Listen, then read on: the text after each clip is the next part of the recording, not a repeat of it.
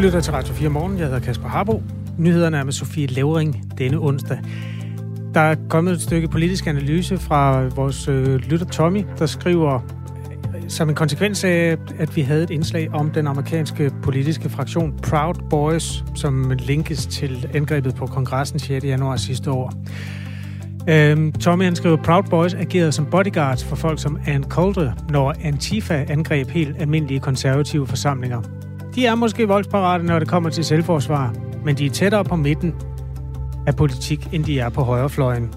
Lyder analysen fra Tommy, der også er interesseret i øh, amerikansk politik. Han har gjort alt rigtigt ved det, at han har skrevet ind på nummeret 1424, og øh, det kan du også gøre, hvis du har kommentarer eller input til de historier, der udspiller sig. Om kvarter skal vi se nærmere på en uheldig begivenhed under Tour de France, altså de etaper, der blev kørt i Danmark. Det var en kæmpe folkefest, men ikke for sine Franciske Havelunds familie, fordi øhm, under en af etaperne, der faldt hendes onkel om med et ildebefindende, og familien måtte vente i en time på at få hjælp af en lægehelikopter. Det skyldtes de mange tilskuere. I Region Syd øh, bestræber man sig ellers på at være inden for maksimalt 30 minutter, som kan være en meget vital grænse i forhold til den type anfald. Alt det, og øhm, også lidt øh, kvindefodbold, som vi kaster lys over lidt senere i Radio 4 morgen. Velkommen til. Et tilbud om undervisning i køn og seksualitet til folkeskolebørn skaber bekymring blandt øh, højrefløjspartier i Aarhus og Københavns kommuner.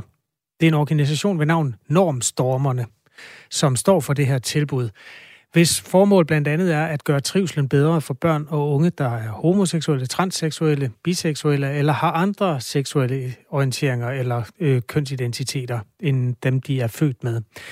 Det er sådan en kursus på øh, halvanden time, som elever fra 4. til 10. klasse i henholdsvis Aarhus og København kan deltage i. Det er jo betalt af kommunen, og øh, derfor også et politisk anlæggende, som ikke alle lokalpolitikere er begejstrede for. Gruppeformand for Nye Borgerlige i København er Niels Peter Ravn. Godmorgen. Godmorgen.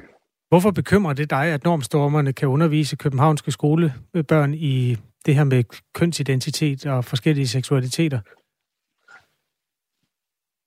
Det bekymrer mig, fordi øh, det her er jo en organisation, som ikke alene beskæftiger sig med, øh, med hvad skal vi sige, seksuel undervisning, men det her, det handler jo om identitetspolitik, og øh, ovenikøbet ret venstreorienteret identitetspolitik. Hvor ligger det venstreorienteret i, at man finder sin seksuelle identitet, altså for eksempel som homoseksuel? Jamen, det ligger der simpelthen ikke noget som helst øh, venstreorienteret i, og, øh, og det, har jo, det her har jo intet at gøre med, at, øh, at, at vi fra Nye Borgerlige side har noget imod øh, seksuelle minoriteter af nogen art.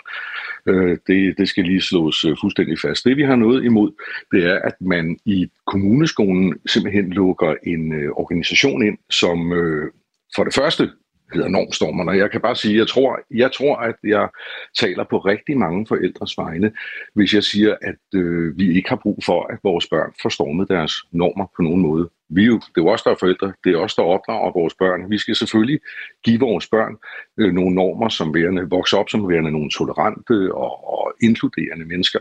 Men jeg har ikke behov for, at der kommer en, øh, et privat firma udefra og øh, begynder at øh, skulle øh, Øh, programmere mine børn til at tænke i andre baner end det som øh, end de baner som jeg øh, foretrækker at de tænker i. Fordi vi skal huske at folkeskolen skal jo lige præcis lære børnene at tænke, men skolen skal jo ikke lære børn, børnene, hvad de skal tænke, og det synes jeg er en, en ret, vigtig, øh, ret vigtig pointe. Det, du kalder programmering, det er jo altså et, et tilbud, som udspiller sig over 90 minutter. Mener du, at børn ved at overvære et foredrag ja. på 90 minutter bliver programmeret i en eller anden retning? Altså jeg mener, at øh, jeg mener, at normstormerne er det, som jeg vil kalde for identitetspolitiske fundamentalister. Og jeg mener jo faktisk, at øh, det, kan, det kan være fint at invitere øh, den type organisationer ind i en eller anden form for, for undervisning. Men nu taler vi jo altså rent faktisk folkeskolen, altså grundskolen, og jeg tænker, man mm. ville måske nok heller ikke invitere for eksempel Hizbut Tahrir ind i religionsundervisningen i den samme kommuneskole, og det synes jeg faktisk godt, man kan sammenligne. Jamen, så synes jeg, du skal underbygge din påstand. Hvor, kom lige med et konkret eksempel på, at den her organisation, der hedder Normstormerne, optræder identitet politisk fundamentalistisk. ja, men altså man kan jo prøve at, øh, at øh, kigge på deres øh, forskellige sociale øh, medier, for eksempel, øh, for eksempel Instagram.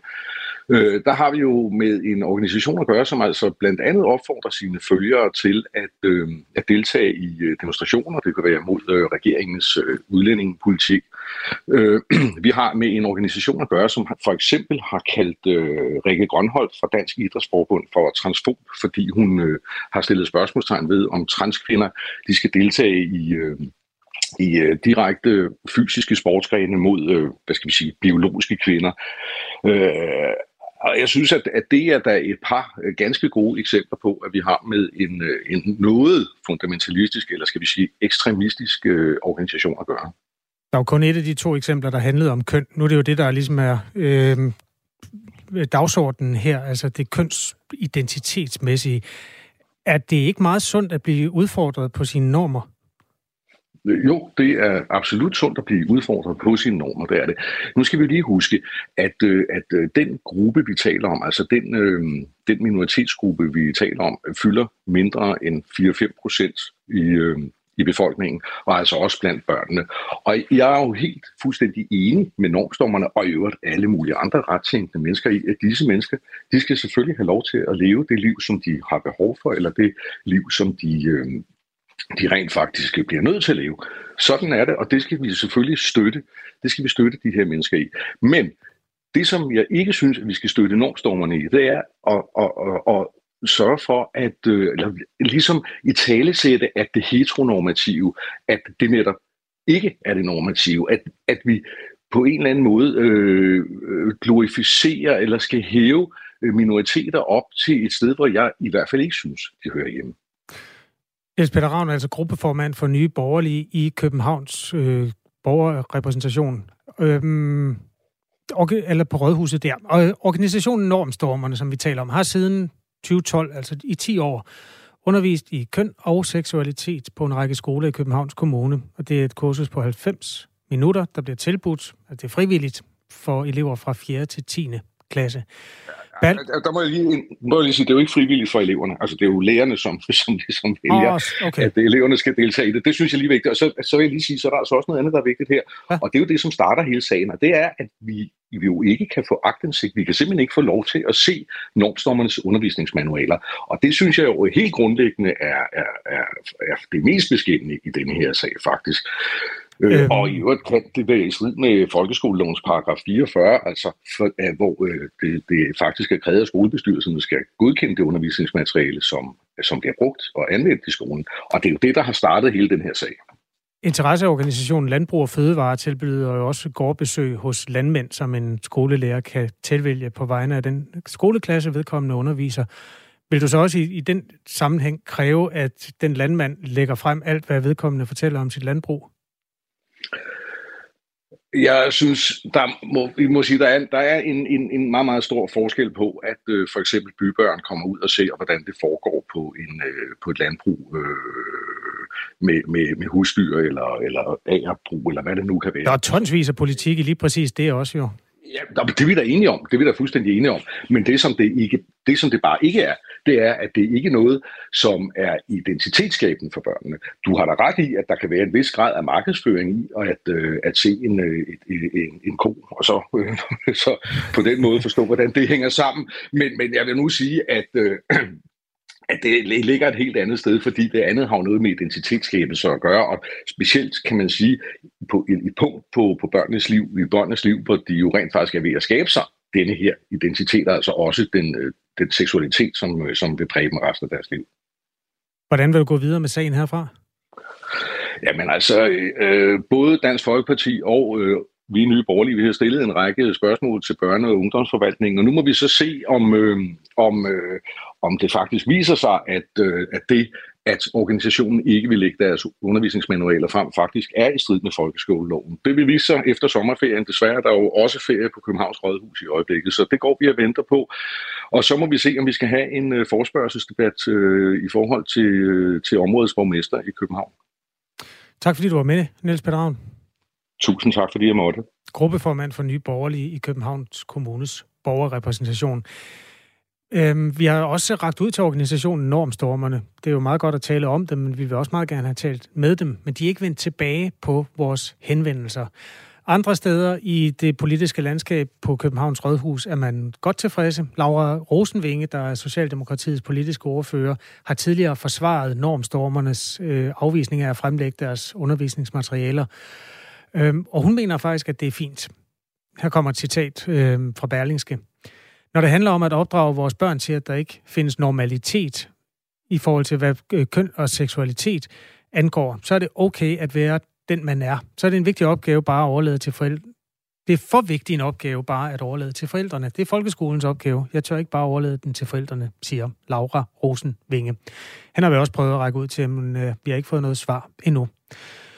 Du kan skrive til os på 1424. Der står for eksempel i en af dem her. Findes der stadig mulighed for at sige nej til seksualundervisning? Mine forældre skulle give tilladelse i 1963, og det gjorde de så. Så var de selv fri for at lære mig det. Men at tvinge børn på 10 år, altså 4. klasse, til forståelse for transseksuelle. Tænk, hvis børn hopper på limpinden, fordi det lyder spændende. Det kan få fatale konsekvenser, står der i en sms fra en, der underskriver sig ikke borgerlig. Klokken er 16 minutter over syv. Tak for inputs.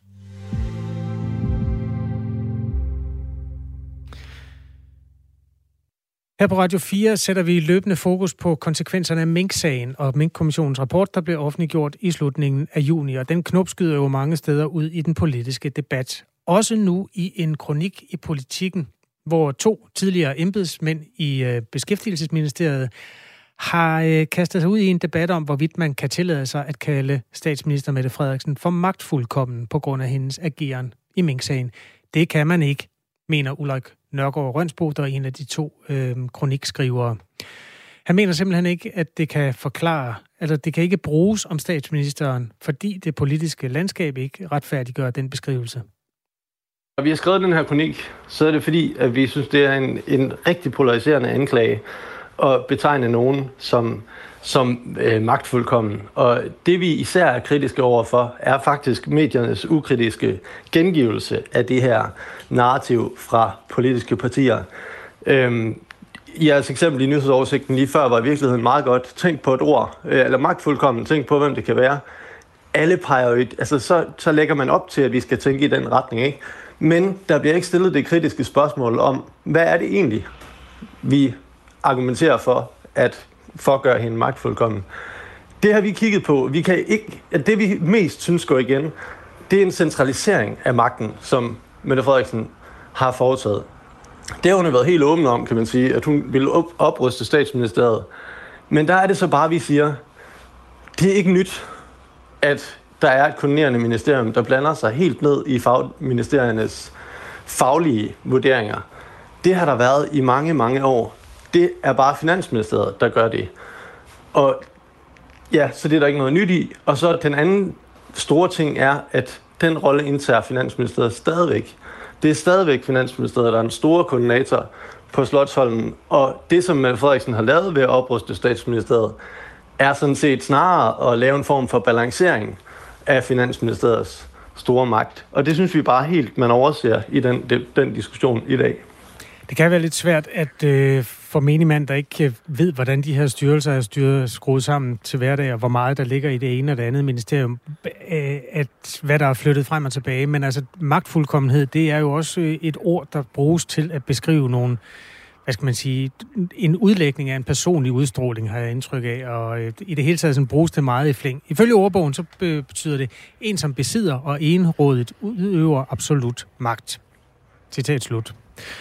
Øhm. Ja, og det, det er jo et godt sted at starte i virkeligheden. Hmm. Fordi en statsminister for en mindretalsregering med sølle 48 mandater i ryggen, kan jo per definition ikke udøve egenrådig absolut magt.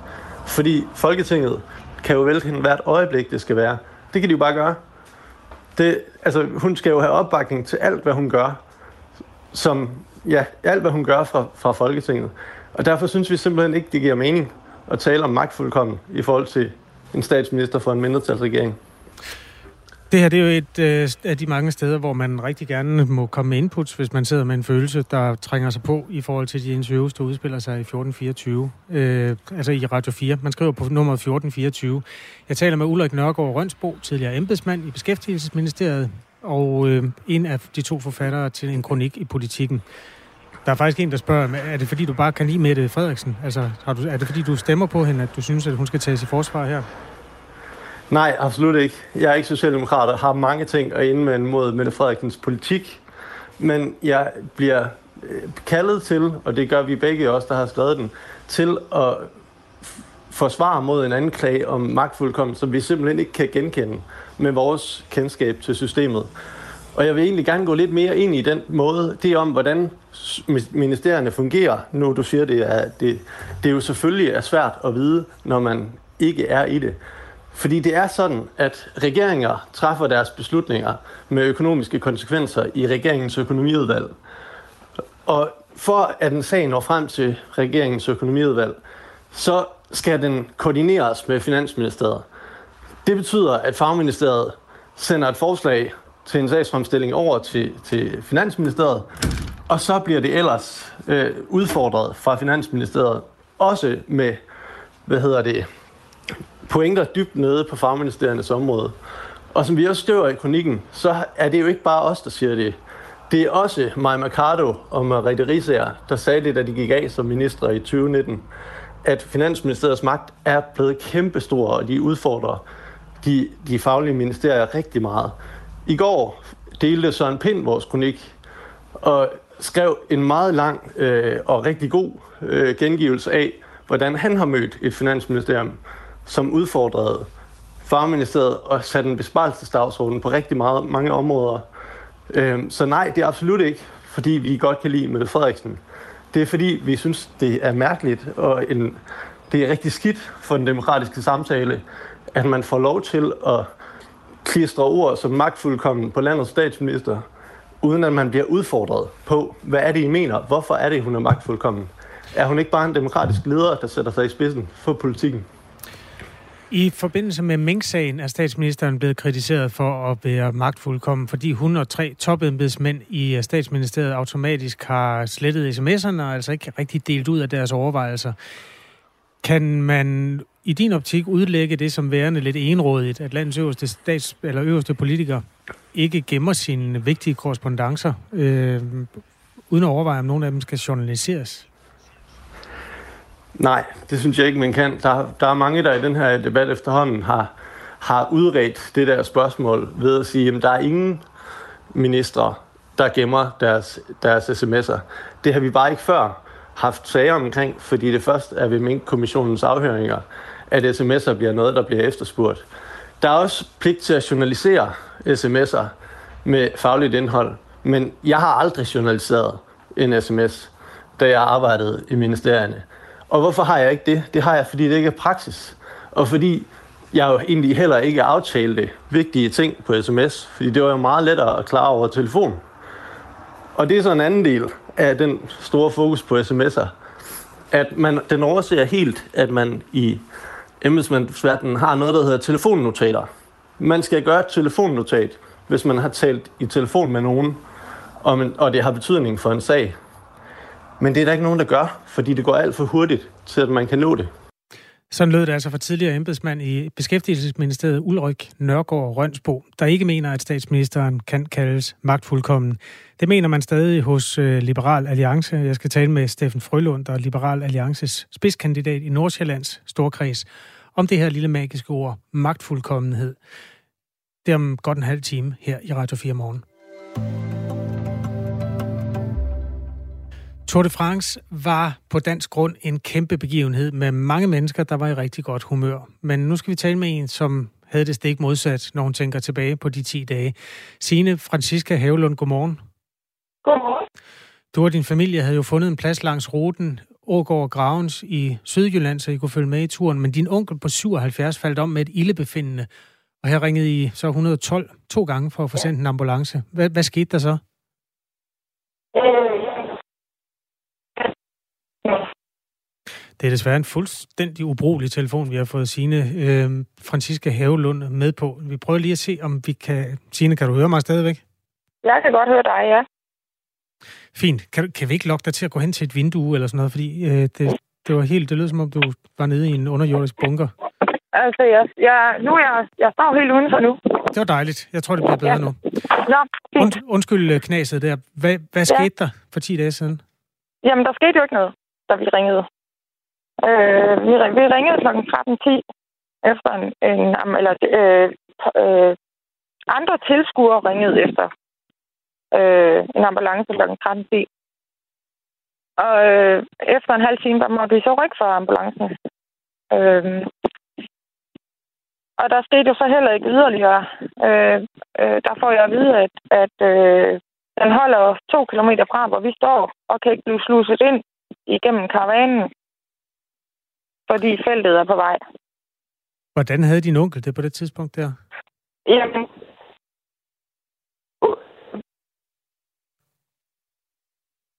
Ja, det er super ærgerligt. Den øh, telefon, som vi har igennem til øh, Signe Franziska Havelund, den dur simpelthen ikke. Jeg tror, at vi lige prøver at se, om det hjælper, at vi ringer op en gang til. Øh, simpelthen lige afbryder forbindelsen, og så prøver vi at kalde op en gang til. Øh, fordi det er altså historien om øh, en 77-årig mand, der faldt om, og ambulancen, der først var enormt svær at tilkalde, og siden ikke rigtig øh, kunne nå frem. Da der gik yderligere en halv time, så kom der faktisk en lægehelikopter, som landede i nærheden. Øhm, de her redder kom onklen til undsætning, og der var han øh, kommet nogenlunde til sig selv, øhm, og han slap faktisk for at øh, blive indlagt. Kim Pedersen, der var funktion, funktionsleder hos Region Syddanmark og chef for Alarmcentralen, har undersøgt forløbet, og han øh, bekræfter, at der samlet set gik 56 minutter, før hjælpen var fremme. Der var rigtig mange mennesker i området, så derfor så kunne de ikke øh, komme frem der, hvor de kørte. Altså, der var mange mennesker, der var mange andre biler, så derfor kunne de ikke komme igennem. Signe Franziska Havelund, hvordan havde I det under forløbet der? Jamen det, det er, altså, min, min umiddelbare reaktion, da jeg ringer for at rykke ambulancen øh, efter 30 minutter, det er, at, at, at på det tidspunkt, der øh, tænker jeg, jamen, det, ja, det har jeg forståelse for, men jeg tror, at, at, at, at det var fordi, man, jeg stod selv blandt rigtig mange mennesker. Øh, men det efterfølgende, altså det, det er efterfølgende, at jeg er blevet gal og kan se, at det her, det kunne faktisk have været gået rigtig galt. Og altså ham, funktionslederen, han siger jo selv, at en øh, kørsel B, den skal være fremme inden for 30 minutter. Og Ja. det var den jo ikke, fordi det var der, vi rykkede. Og, og vi får først hjælp efter en time. Kim Pedersen, altså funktionsleder hos Region Syddanmark, erkender, at øh, det er øh, altså hans afdelings ansvar, at man når frem inden for de 30 mi- minutter, uanset om der er Tour de France eller ej. Men Jo, det er det, er det. og det er vores, øh, det er vores opgave at, sikre hjælpen, øh, og, og vi har der fremtidsmål, der hedder øh, hurtigst muligt inden for de her 30 minutter. Men vi er også klar over, at det kan vi ikke, det kan ikke levere i 100% af, af tilfældene. Så, så, nogle gange, så nogle gange går det lidt længere tid. Og det var altså i forbindelse med den her meget store, altså historisk store sportsbegivenhed på dansk jord, at det knep med at nå frem, og det gik næsten en time. Både store begivenheder og små øh, begivenheder og arrangementer i regionen, der kan man være helt tryg, og i, de, i alle de akutte tilfælde, der, er- der er vi klar til at hjælpe, og, og vi er også klar til at hjælpe så hurtigt som muligt. Hvordan har du det med den melding, Signe Franziska Havelund? Jamen, det passer jo ikke. Altså, fordi det, det, vi er jo ikke trygge ved det. Altså, normalvis, vi bor mellem Vejle og Kolding og har en, øh, en, øh, en, altså en afstand til sygehus på mellem 10 og 15 minutter normalvis øh, ved ambulance. Og det føler vi os trygge ved. Så kan det ikke passe, at den sportsbegivenhed, den skal, øh, den skal sætte en stop op. Altså, den skal sættes over for menneskeliv. Øh, og at vi så skal yderligere vente faktisk det dobbelt af den tid, de reelt lover. Hvordan har din onkel det i dag? Jamen, han har det godt. Han har været træt efterfølgende. Øh, men heldigvis altså, var det jo ikke så alvorligt som først antaget. Men det kunne det jo have været. Han, de oplyste jo også øh, alarmcentralen, da vi ringer ind første gang til dem, at han er bekendt med blodpropper. Øh, øh, og derfor troede vi jo, det var det. Altså, øh, jeg, jeg troede, han døde der. Altså, han havde samme udtryk i, i hovedet som øh, Christian Eriksen, da han faldt om på fodboldbanen sidste år. Godt, han er tilbage, din onkel, og tak fordi du var med, ja. Signe Franziska Havlund. Ja, selv tak. Det her er Radio 4 morgen. Nu er der fire minutters nyhedsoversigt med øh, Sofie Levering. Klokken er halv otte.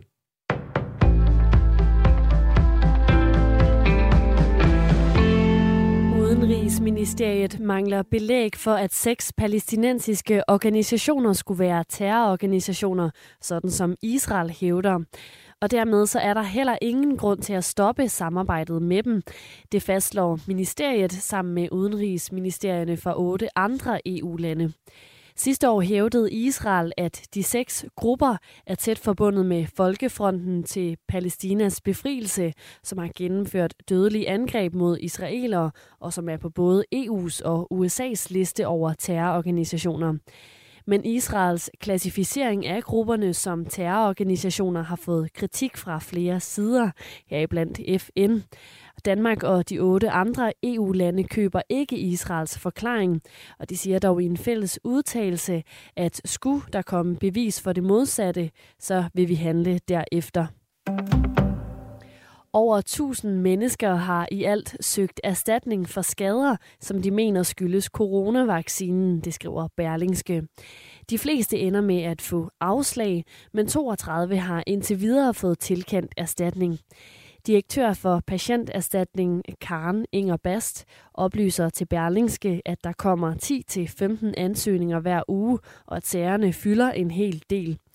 Mere præcist er det samlede antal ansøgninger oppe på over 1100, og blandt årsagerne til, at nogen får erstatning, er blandt andet blodpropper og ansigtslammelse. Sri Lankas præsident Gotabaya Rajapaksa er fløjet ud af landet efter protester. Det oplyser lokale embedsmænd. Præsidenten har ellers tidligere lovet, at han ville meddele sin afgang i dag og give mulighed for en fredelig magtoverdragelse. Sri Lanka har i flere uger været præget af store protester. Tusindvis af mennesker har været i gaderne med et krav om, at både præsidenten og premierministeren skal gå af. Demonstranterne er vrede over den økonomiske krise i landet, og de mener, at præsidenten er ansvarlig for krisesituationen. Udbryderrepublikken Donetsk gør klar til at henrette to britiske og en marokkansk soldat, som kæmpede i den ukrainske hær. De er alle blevet dømt til døden efter deres tilfangetagelse. Det sker efter, at lederen i Donetsk har ophævet et midlertidigt stop for eksekvering af dødstraf. Det skriver det russiske nyhedsbyrå TASS.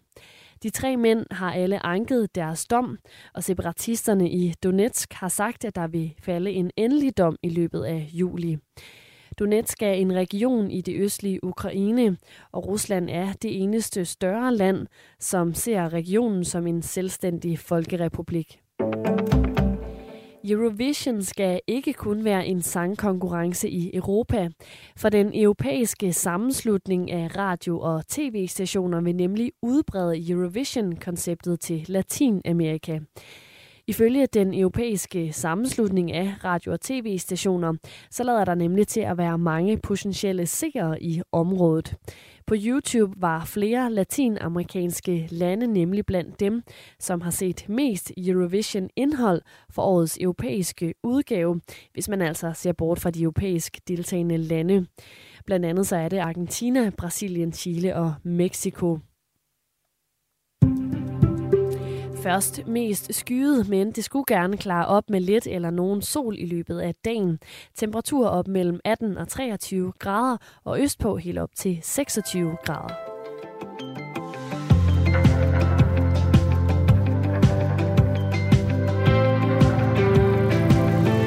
Årets største handel, der ikke blev til noget som helst, var eh, Elon Musks bebudede køb af Twitters aktier. Det eh, kan føre til store retssager, og det har simpelthen skabt dønninger rigtig mange steder, både i forhold til sociale medier, fordi han jo er en markant personlighed, og især i forhold til Twitter-aktiens værdi, som jo dalede efter, at han har trukket sit købstilbud. Den analyserer vi om 7-8 minutter her i Radio 4 morgen. Jeg hedder Kasper Harbo. Godmorgen, og tak fordi du har tændt for det her radioprogram. Danmark vandt 1-0 over Finland ved den anden EM-landsholdskamp i aftes, altså kvindernes EM, der spilles i London, eller i ja, den her kamp i hvert fald i London og i England i bred forstand. Og det betyder altså, at Danmark stadig har en chance for at spille sig videre fra gruppespillet. Maja Ring Killemos overvejede kampen, der blev spillet på Milton Keynes Stadion nord for London. Godmorgen, Maja. Godmorgen. Hvordan var kampen? Jamen, det var jo for det første en kamp, hvor Danmark havde bolden noget mere. Øhm, så det var jo fedt at se. Og så var det en kamp, hvor Danmark var langt bedre organiseret, end de var mod tyskerne, og, og fik spillet deres spil, og fik sat deres spil. Øhm, og så var det jo en kamp, som Danmark ender med at vinde, hvilket var helt fantastisk. Hvilke spillere har levet op til forventningerne, eller måske overskrevet forventningerne? Altså, jeg synes, uh, Save Trolsgaard spillede en rigtig god kamp i går. Uh, hun havde en mindre god kamp mod Tyskland, men uh, steppet op her øh, i gårsdagens opgør. Og jeg ved ikke, om det havde noget at gøre med, at øh, den finske scout lige havde, lige havde været ude og, og sendt en lille stikpille afsted til, til den danske midtbane. Øh, men hun spillede i hvert fald virkelig godt, og så derover synes jeg, at øh, danske Stine Ballisager og øh, Katrine Veje var, var nogle af kampens bedste spillere. Danmark øh, slog altså Finland 1-0 på mål af Pernille Harder, scoret efter 72 minutter, og det er den øh, kamp, vi dykker lidt ind i nu, sammen med Maja Ring Killemos, der øh, skriver fodbold.dk, øh, fodboldmediet, og, øh, eller fodboldekspert på de kanter. Tidligere fodboldlandsholdsspiller øh, var blandt andet med sidst, der var EM. Øh, hvordan er det egentlig som, altså, at se på? Hvad siger du? Hvordan er det at sidde og se på, når man har det rullende i blodet selv at spille? Nå, men altså, jeg ville da, jeg ville da lyve at sige, hvis jeg ikke gad spille for en 11.000 tilskuere, men, men jeg synes, det er fedt at følge pigerne fra, fra sidelinjen og få lov til at, at lave noget, som jeg også elsker, som er at formidle. Så det er lidt ligesom at kombinere to af mine store interesser, så øh, det synes jeg egentlig kun er fedt. 11.000 tilskuere, det er jo i den høje ende øh, i forhold til, at, øh, at det er kvinderne, der spiller EM i øjeblikket. Hvordan var stemningen på det her stadion, sammenlignet med i fredags? Altså nu var der jo, øh, det, nu var der jo 15.000 tilskuere til Danmarks sidste kamp, øh, så det er det en, hvor der er mange, mange tilskuere på, på lægterne, men altså det, stemningen var helt fantastisk. Hvor mange danskere var der? Øhm, hvad jeg hørte, så var der omkring 600 danskere. Sejren over Finland betyder altså, at Danmark stadig er med i øh, spillet om at komme videre fra gruppespillet. Problemet er så, at øh, for at komme videre, skal man slå Spanien. Og da jeg spurgte dig i går, hvem der ender med at vinde det her EM, så nævnte du faktisk Spanien som et af de varme bud. Hvordan ser det ja. ud? Det, det, det, det, er lidt, det er lidt en klods på vejen for de danske drømme, er det ikke det? Jo, det bliver da helt sikkert en, en mega svær kamp. Øhm, altså, men de danske, eller de, de danske spillere har en chance. Det, det, det skal de i hvert fald tro på. Altså, alt kan ske i fodbold, og med en god portion held er det muligt med det spanske hold selvom de tabte 2-0 i går til Tyskland, så er det et stærkt hold, der kan spille hurtigt fodbold. Og hvis Danmark ikke er klar fra start, så, øh, så bliver det en rigtig, rigtig, rigtig svær kamp for dem. Det her er jo altså i fodboldens moderland, at der bliver spillet EM-slutrunde. Hvordan er øh, stemningen omkring det arrangement?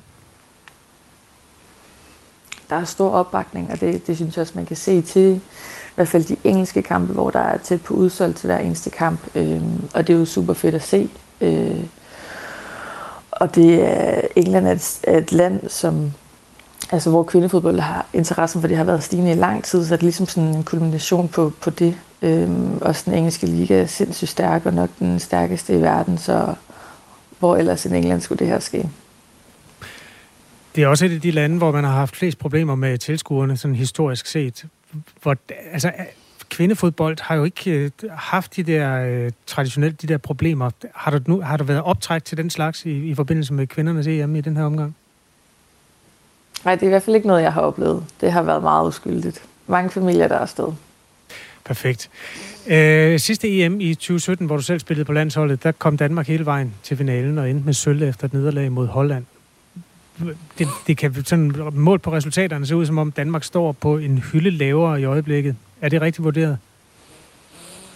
Altså sidste EM, der var det jo en kæmpe overraskelse, at vi, øh, at vi kom så langt, og vi faktisk endte i finalen, hvor der var ingen forventninger til os. Der er lidt flere, altså folk har forventet lidt mere af det danske hold nu. Øhm, så jeg ved ikke, om vi er et step nede, men vi kommer, altså Danmark er en sindssygt svær gruppe, og det har gjort det sværere for dem at komme videre. Øhm, men altså, alt kan ske. Øh, jeg håber selvfølgelig, at de når hele vejen til finalen igen, men jeg men det bliver svært. Det bliver svært allerede på lørdag kl. 21, når Danmark møder Spanien.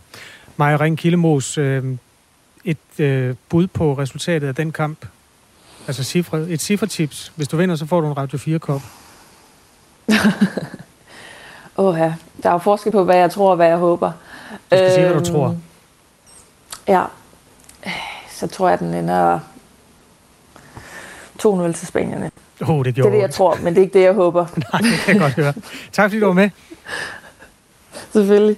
Maja Ring Kildemose, journalist og fodboldekspert på fodboldmediet.dk og tidligere landsholdsspiller. Det er altså lørdag kl. 21, vi finder ud af, eller det bliver så 23, vi finder ud af, om Danmark kommer videre fra gruppespillet.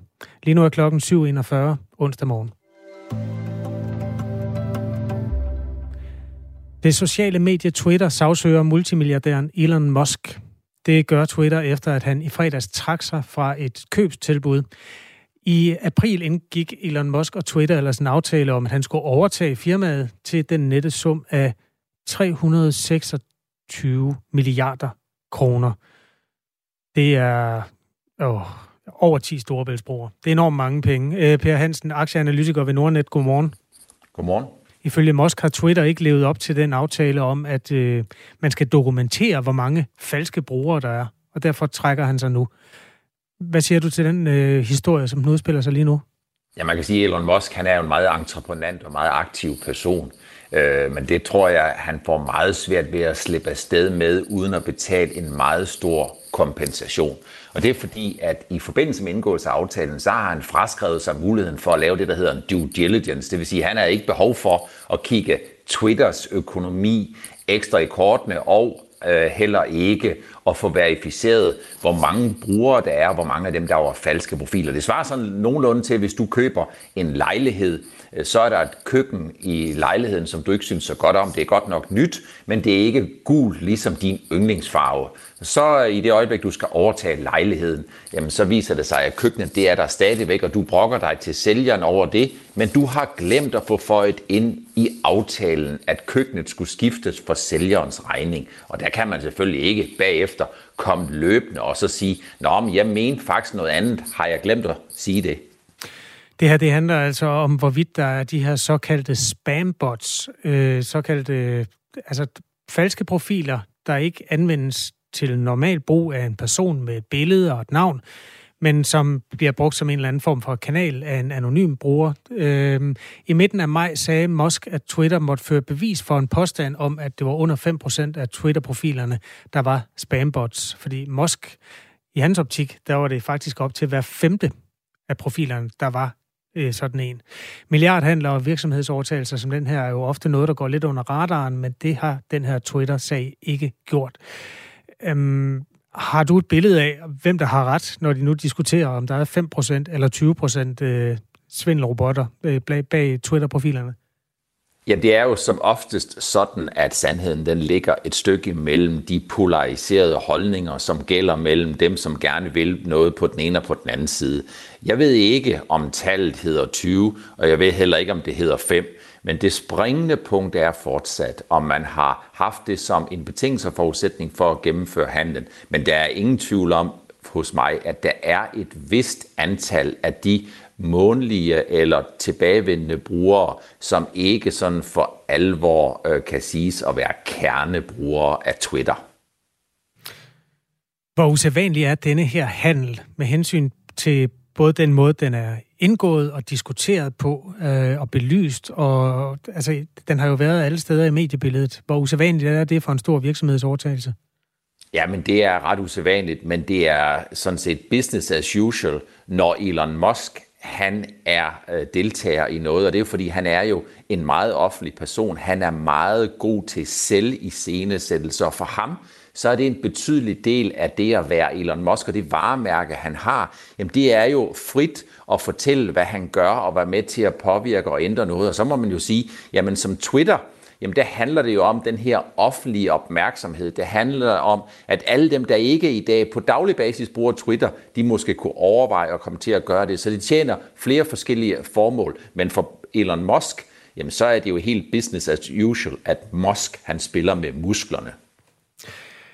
Noget af det, der delte vandene, var, at Elon Musk ville genåbne nogle af de lukkede profiler. Han er øh, sådan politisk funderet over i det landskab, man kalder libertarians, altså ultraliberal på den amerikanske måde, hvilket vil sige rigtig, rigtig liberalt set med danske briller. Øhm, hvor stor en rolle har det spillet i forhold til den modstand, han har mødt? Har du et billede af det? Ja, det har jeg ikke noget billede af. Det tror jeg, der er andre, der har et langt bedre øh, indtryk af. Altså, jeg tror jo, Elon Musk, han først og fremmest øh, tror på, at der er ingen over og ingen ved siden af Elon Musk. Og det vil sige, at han kigger ikke nødvendigvis på den modstand, han møder. Så længe han er klippefast i troen, jamen så mød de udfordringer, han møder på vejen, dem skal han nok sørge for at rydde netop af vejen. Aktiemarkedet reagerede jo positivt, da Elon Musk meldte ud, at han var på vej ind i Twitter, og da Twitter accepterede købstilbuddet, der lå prisen på over 50 dollars per aktie. Lige nu er den faldet til 34 dollars, det vil sige, at den har tabt en tredjedel øh, af værdien i forhold til det tidspunkt. Per Hansen er med os fra Nordnet og er vant til at kigge på aktier. Altså, er, er det øh, også en normal reaktion? Jamen, det er en normal reaktion på den måde, at Elon Musk jo øh, i fredags i sidste uge sagde, at han havde fortrudt, at han ikke ville købe Twitter. Man kan sige, at det der er baggrunden for, at Elon Musk øh, trækker sig, det er jo officielt antallet af bots eller fas- falske profiler. Det er formentlig også, at han har fået kigget økonomien lidt ekstra i sømne, eller også har han haft nogle rådgiver, som har mindet ham om det. Og så ikke mindst, og det der faktisk, tror jeg, har gjort udslaget. Når virksomhed A skal købe virksomhed B, og så er det ikke sådan, at aktiekursen bare bliver afnoteret til tilbudspris med det samme. Den skal jo accepteres, men løbende, så vil der jo også være en notering af aktiekursen. Og hvis der er en meget stor forskel mellem den pris, som man byder, i det her tilfælde 54 dollar og 20, og den pris, som investorerne sætter på Twitter som fortsat børsnoteret selskab, i det her tilfælde 34 til 38, så kalder man det at Mr. Market, altså dem, der handler med aktien, de enten tror, et, handlen bliver ikke gennemført, og eller to, handlen bliver gennemført til en reduceret pris. Og det er ikke mindst det, som Elon Musk, den skepsis, han har ladet sig påvirke af, og så finder han på nogle forklaringer, som han har glemt at få indføjet i de oprindelige aftaler og nedfældet på papir. Det har betydning for rigtig mange mennesker, når en så meget, øh, en så handlet aktie falder med en tredjedel af værdien. Altså det vil sige, at alle, der har en Twitter-aktie eller flere, har mistet en tredjedel af de penge, de har investeret i den. Som aktieanalytiker, anser du det så for problematisk, at øh, et marked på den måde kan styres af en mands humør? Ja, det må man sige. På den ene side så viser det jo den levende størrelse, som aktier aktieinvestorer og virksomhedspriser er. På den anden side set, jamen så viser det også, at når en enkelt person, måske verdens mest betydende influencer, Elon Musk, han siger noget, jamen så kan det bevæge nogle størrelser. Det gælder i det her tilfælde, ligesom i alle andre situationer, så gælder det om, at man skal gøre sine egne overvejelser og se, om den enkelte investering svarer til ens risikoprofil og investeringshorisont. Hvad siger det om aktiemarkedet i dag, at øh, det bliver påvirket på den måde? Det lyder lidt hysterisk. Nej, det er jo, man skal huske på, at der er en stor forskel øh, mellem det, som vi oplever på vores, vores breddegrad i aktiemarkedet, og så det, der sker i USA. I USA, der er alting større, farligere og hurtigere, og der har øh, markedsøkonomien en helt anden dynamik og en helt anden betydning og størrelse, end den har her i Danmark og Europa. Det her risikerer altså at munde ud i en retssag, fordi Twitter øh, forsøger at trække Elon Musk i retten, nu hvor han har trukket sit købstilbud tilbage. Hvem har bedst forudsætninger for at vinde sådan en? For mig at se, så er det Twitter, og det er jo fordi, at Elon Musk han har skrevet under på, at han gerne vil købe Twitter til 54 dollar og 20, og han har ikke forudsat nogle betingelser, øh, som han kan håndhæve og sige, at Twitter de har brudt, dem har han efterfølgende fundet på. Jeg tror ikke, det her det ender med en retssag. Det her det ender med et forlig, hvor Elon Musk formentlig kommer til at betale en betydelig kompensation for det her. Langt de færreste ting, de, som, hvor man truer med en retssag, ender ikke med en retssag, men truslen om en retssag er en løftestang for at få udbetalt den formidlende omstændighed, som penge er i USA. Det sagde Per Hansen. Tak skal du have, fordi du var med her. Velbekomme aktieanalytiker ved øh, investeringsbanken Nordnet.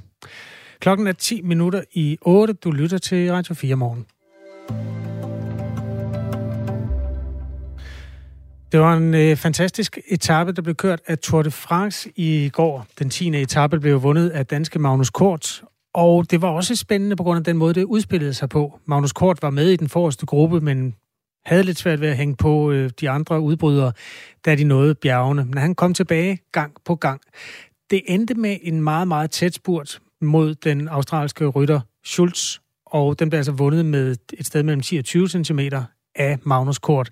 Det er 22. gang, en dansker vinder en etape i verdens største cykelløb. 10. etape blev kørt i det østlige Frankrig, og over 1000 km derfra fulgte far Anders Kort med på fjernsynet sammen med Magnus' bror og mor. Farmand havde troet, at sønnen ville tage det roligt, efter han mistede den prikkede bjergtrøje et par dage før, men sådan gik det jo ikke. Vi havde jo ikke regnet med, at han overhovedet skulle køre om det på forhånd. Vel? Vi tænkte, at nu var han ude af trøjen, og nu skulle han lige have nogle dage i gruppettoen og samme kræfter, og så skulle det komme efter alberne, ikke? Så øh, vi havde jo ikke sådan på forhånd regnet med noget, og så er det jo bare spændende øh, at se. Og det var jo egentlig først til aller, aller sidst, der, da han, sådan, øh, da han kørte efter ham, Schultz, der vi sådan for alvor tænkte, den er der. Det var en meget tæt spurt, og man kunne ikke umiddelbart se på tv-billederne, hvem der havde vundet, Kort eller Schultz. Men så kom målfotoet. Jeg tænkte nok, den var der. Jeg synes godt, at jeg kunne se det. Men altså, øh, ja, der er, man kan jo ikke gøre så meget. Øh. Det var ikke sådan, at vi sidder og bider negle eller noget som helst. Men øh, det er jo fedt. Rigtig fedt. Ja, og det gør jo en kæmpe forskel at blive nummer et eller to. Siger altså Anders Kort, far til Magnus Kort. Daniel Nøjsen Faller er journalist på Ekstrabladet og dækker Tour de France. Godmorgen. Godmorgen. Hvor stor er den her sejr? Det er en øh, kæmpe stor sejr for Magnus Kort og for Danmark. Øh, hver gang en dansker vinder en etape i verdens største cykelløb, så er det, så er det stort og en historisk begivenhed. Så det, det var en stor dag i går. 10. etape blev kørt i det østlige Frankrig tæt på grænsen til Italien og sluttede på et øh, bjerg ved byen Vigeve. I dag og i morgen venter to benhårde bjergetapper, før der kommer nogle lidt fladere øh, etapper igen. Bare lige for at samle op på, hvad det er for en del af løbet, vi er i gang med. Magnus Kort, hvorfor er han så god lige nu? Jamen, det er et rigtig godt spørgsmål. Magnus Kort er generelt en, øh, en rytter af absolut øh, verdensklasse. Øh, han øh, formår gang på gang at, at være det rigtige sted på det rigtige tidspunkt, øh, og så har han den her eksplosivitet, der gør, at han kan på de afsluttende meter være ekstremt øh, farlig, ekstremt hurtig. Øh, og det så vi jo i går, hvor, øh, som du også siger, øh, kommer fra baghjul, og så alligevel får, får kæmpet sig først over stregen. Øh, han har en unik evne, evne til at, at sprinte sig til sejren, og det har han vist gang på gang, og han gjorde det igen i går. Magnus Kort er en ret forrygende personlighed at jagtage. Øh, jeg har kun set ham på fjernsyn, men altså, han er jo for det første en flot mand. Han har et lyst overskæg af en model, som har været ude af rotation i nogle år, siden 80'erne men øh, som han relancerer så flot nu. Han smiler meget, og han virker til at kunne lide at være på. Hvor meget betyder det, når man skal formidle sådan en cykelfest til Ekstrabladets læsere, at det er nogle likable typer, man skriver om? Jamen, det betyder helt vildt meget, fordi selvfølgelig så giver det noget i sig selv, at øh, vi har dygtige rytter at skrive om. Det, det, det, det gør det, gør det et, godt, et godt stykke hen ad vejen, men, men Magnus Kort er, som du siger, altid glad og altid klar til at stille op til, til interviewer. En, og en god kommentar. Øh, og personligheder er alt i, i sport og i cykling også. For, for os på Ekstrabladet, der, der elsker vi at dyrke personlighederne, så Magnus Kort er en, er en gave for en som mig. Hans far lyder også til at være en god fyr. Han, øh, jeg har lige klip mere med ham, fordi han er jo pavestolt. Ikke bare over etappesejren, men også over det med, at Magnus Kort kørte i den prikkede bjergtrøje fra anden til 8. etape. Altså, hvis du nu havde spurgt mig før løbet, så havde jeg sagt, at en etappesejr det er meget vigtigere end prikkerne. Men det var jo en kæmpe oplevelse at køre i de der prikker. Der. Han holdt den jo i syv dage, og øh, øh, det kommer han formentlig aldrig til igen. Øh, men det er jo anden gang, han vinder, og vi håber da, at han kan prøve at vinde øh, en gang mere. Så på en eller anden måde, så, øh, så vil jeg sige, så er det sådan nogenlunde lige stort. Øh, de der prikker der, de var sgu, de var sgu, de endte med at være rigtig, rigtig fede, ikke? At det var noget af det sjoveste, han har prøvet, eller største, han har prøvet at køre rundt i Jylland med dem på. I etape, eller undskyld, i optakten, Daniel øh, Nøjsen Faller, der øh, var der meget lagt op til, at det skulle være sådan en Jonas Vingegaard-fest, det her Tour de France. Og han er jo heller ikke ude af spillet overhovedet. Han kan få en hovedrolle de næste dage. Men er du overrasket over, at Magnus Kort på den måde har stjålet billedet? Ja, det er jeg uden tvivl. Øh, ikke så meget fordi, at jeg øh, har set for lidt til Jonas Vingegaard, men fordi at Magnus Kort simpelthen har været så fuldstændig vanvittigt kørende. Øh, allerede i dagene i Danmark, der viste han sine gode ben, og, og som, øh, som farmand så fint siger her, så, øh, så var det også øh, helt vildt, at han tog den prikkede bjergtrøje, og jeg ved, det var en kæmpe drøm for, for Magnus, at det, det lige pludselig kunne ske, øh, og han holdt den så længe. Så det er overraskende i, i den forstand, at det har, det har været så, så forrygende fra ham, men øh, som jeg også øh, sagde til at starte med, Magnus Kort er en af de bedste øh, cykelrytter, øh, vi har haft. Han er også den, der har vundet flest øh, etappesejre i Grand Tours, de her tre store etappeløb, der, der er. Så øh, ja, det er, han er vild. Har han mere i sig i forhold til det her Tour de France? Jamen, det er et rigtig godt spørgsmål. Øh, umiddelbart vil mit svar være ja, fordi at han er så godt kørende, som han er. Øh, jeg tror, han er rigeligt tilfreds med hans uh, Tour de France uh, indtil videre. Men øh, nu er der lige nogle albetapper, hvor han kan, kan tage det med ro, og så kan jeg ikke se, hvorfor han ikke også vil, øh, vil prøve igen. Der kommer også nogle etapper, som, som passer ham fint, så hvorfor ikke? Magnus Kort ligger i den samlede stilling cirka en time tilbage, men det er altså heller ikke i den samlede stilling, han går efter at øh, vinde. Til gengæld ligger han nummer 4 i bjergkonkurrencen stadigvæk. Det kan der blive flyttet lidt rundt på i dag, som er den første regulære alpe etape Der skal rytterne over først to øh, sådan almindelige stigninger, og så to bjerge uden for kategori, Col du Galibier og Col du Granon, som øh, ja, begge har den klassificering, der hedder uden for kategori, fordi stigningen er øh, i forhold til målstigningen over 11 km med en stigningsprocent på 9,2. Det er stort set lodret, og det er noget, der kalder på de rytter, der går efter den samlede sejr, der skal ud i direkte duel der. De danske kigger, der retter sig selvfølgelig mod Jonas Vingegaard, der øh, har set stærk ud i de første opkørsler, der har været. Han skal ud i en direkte duel med Tadej Pogacar, der har vundet løbet de sidste to år, og som også regnes for at være øh, favorit i år. Han kører i den gule trøje stadigvæk. Der var Tour de France. Øh, dagens etape fra Albertville til Col du Granon. Det bliver vist på øh, fjernsynskanalen TV2. Det var Daniel Nøjsen Faller, der er journalist på Ekstrabladet, som var med i indslaget her. Og det var altså også Anders Kort, som er far til den danske sejrsherre Magnus Kort. Noget så øh, uvæsentligt som en historie, der ikke bekymrer, det kan godt nogle gange have en nyhedsværdi alligevel. Der er en ny øh, coronavariant, der breder sig enormt hurtigt i Indien, altså verdens næst mest folkerige nation. Den har en kombination af bogstaver, som er glemt igen om lidt, men nu siger jeg det BA.2.75. Den øh, udgør hver fjerde coronatilfælde i Indien, og det er på en liste over coronavarianter, som WHO, altså Verdens Sundhedsorganisationen, holder et vågent øje med. Den vækker ingen som helst bekymring hos Allan Randrup Thomsen, og det kan der jo også være en nyhedsværdi i. Øh, biologen øh, Allan Randrup Thomsen fra Københavns Universitet minder om, at øh, det slet ikke er den variant, der udspiller sig i Europa og USA lige nu. Øh, det er godt, at WHO holder øje med nye varianter, men i Danmark, dobbelt, øh, men i Danmark dominerer BA5, som allerede har udkonkurreret BA2. Og det er derfor også en formodning om, at BA5 vil udkonkurrere undervarianterne, som for eksempel den indiske, siger Allan Randrup Thomsen. Han frygter heller ikke, at den her nye variant med nye spike-proteiner umiddelbart kan true vaccinernes effektivitet mod alvorlig sygdom. Øhm, ja, det er sådan en ikke-nyhed, men også en nyhed om, at corona er et sted, hvor vi kan håndtere det. For bare et par år siden var det jo sådan dårligt nyt, hver gang der meldte sig nye bogstaver i rækken.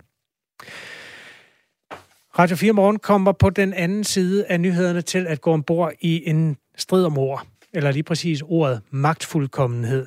To tidligere embedsfolk har i Dagbladet Politikken skrevet en kronik, hvor de går til forsvar for øh, statsminister Mette Frederiksen.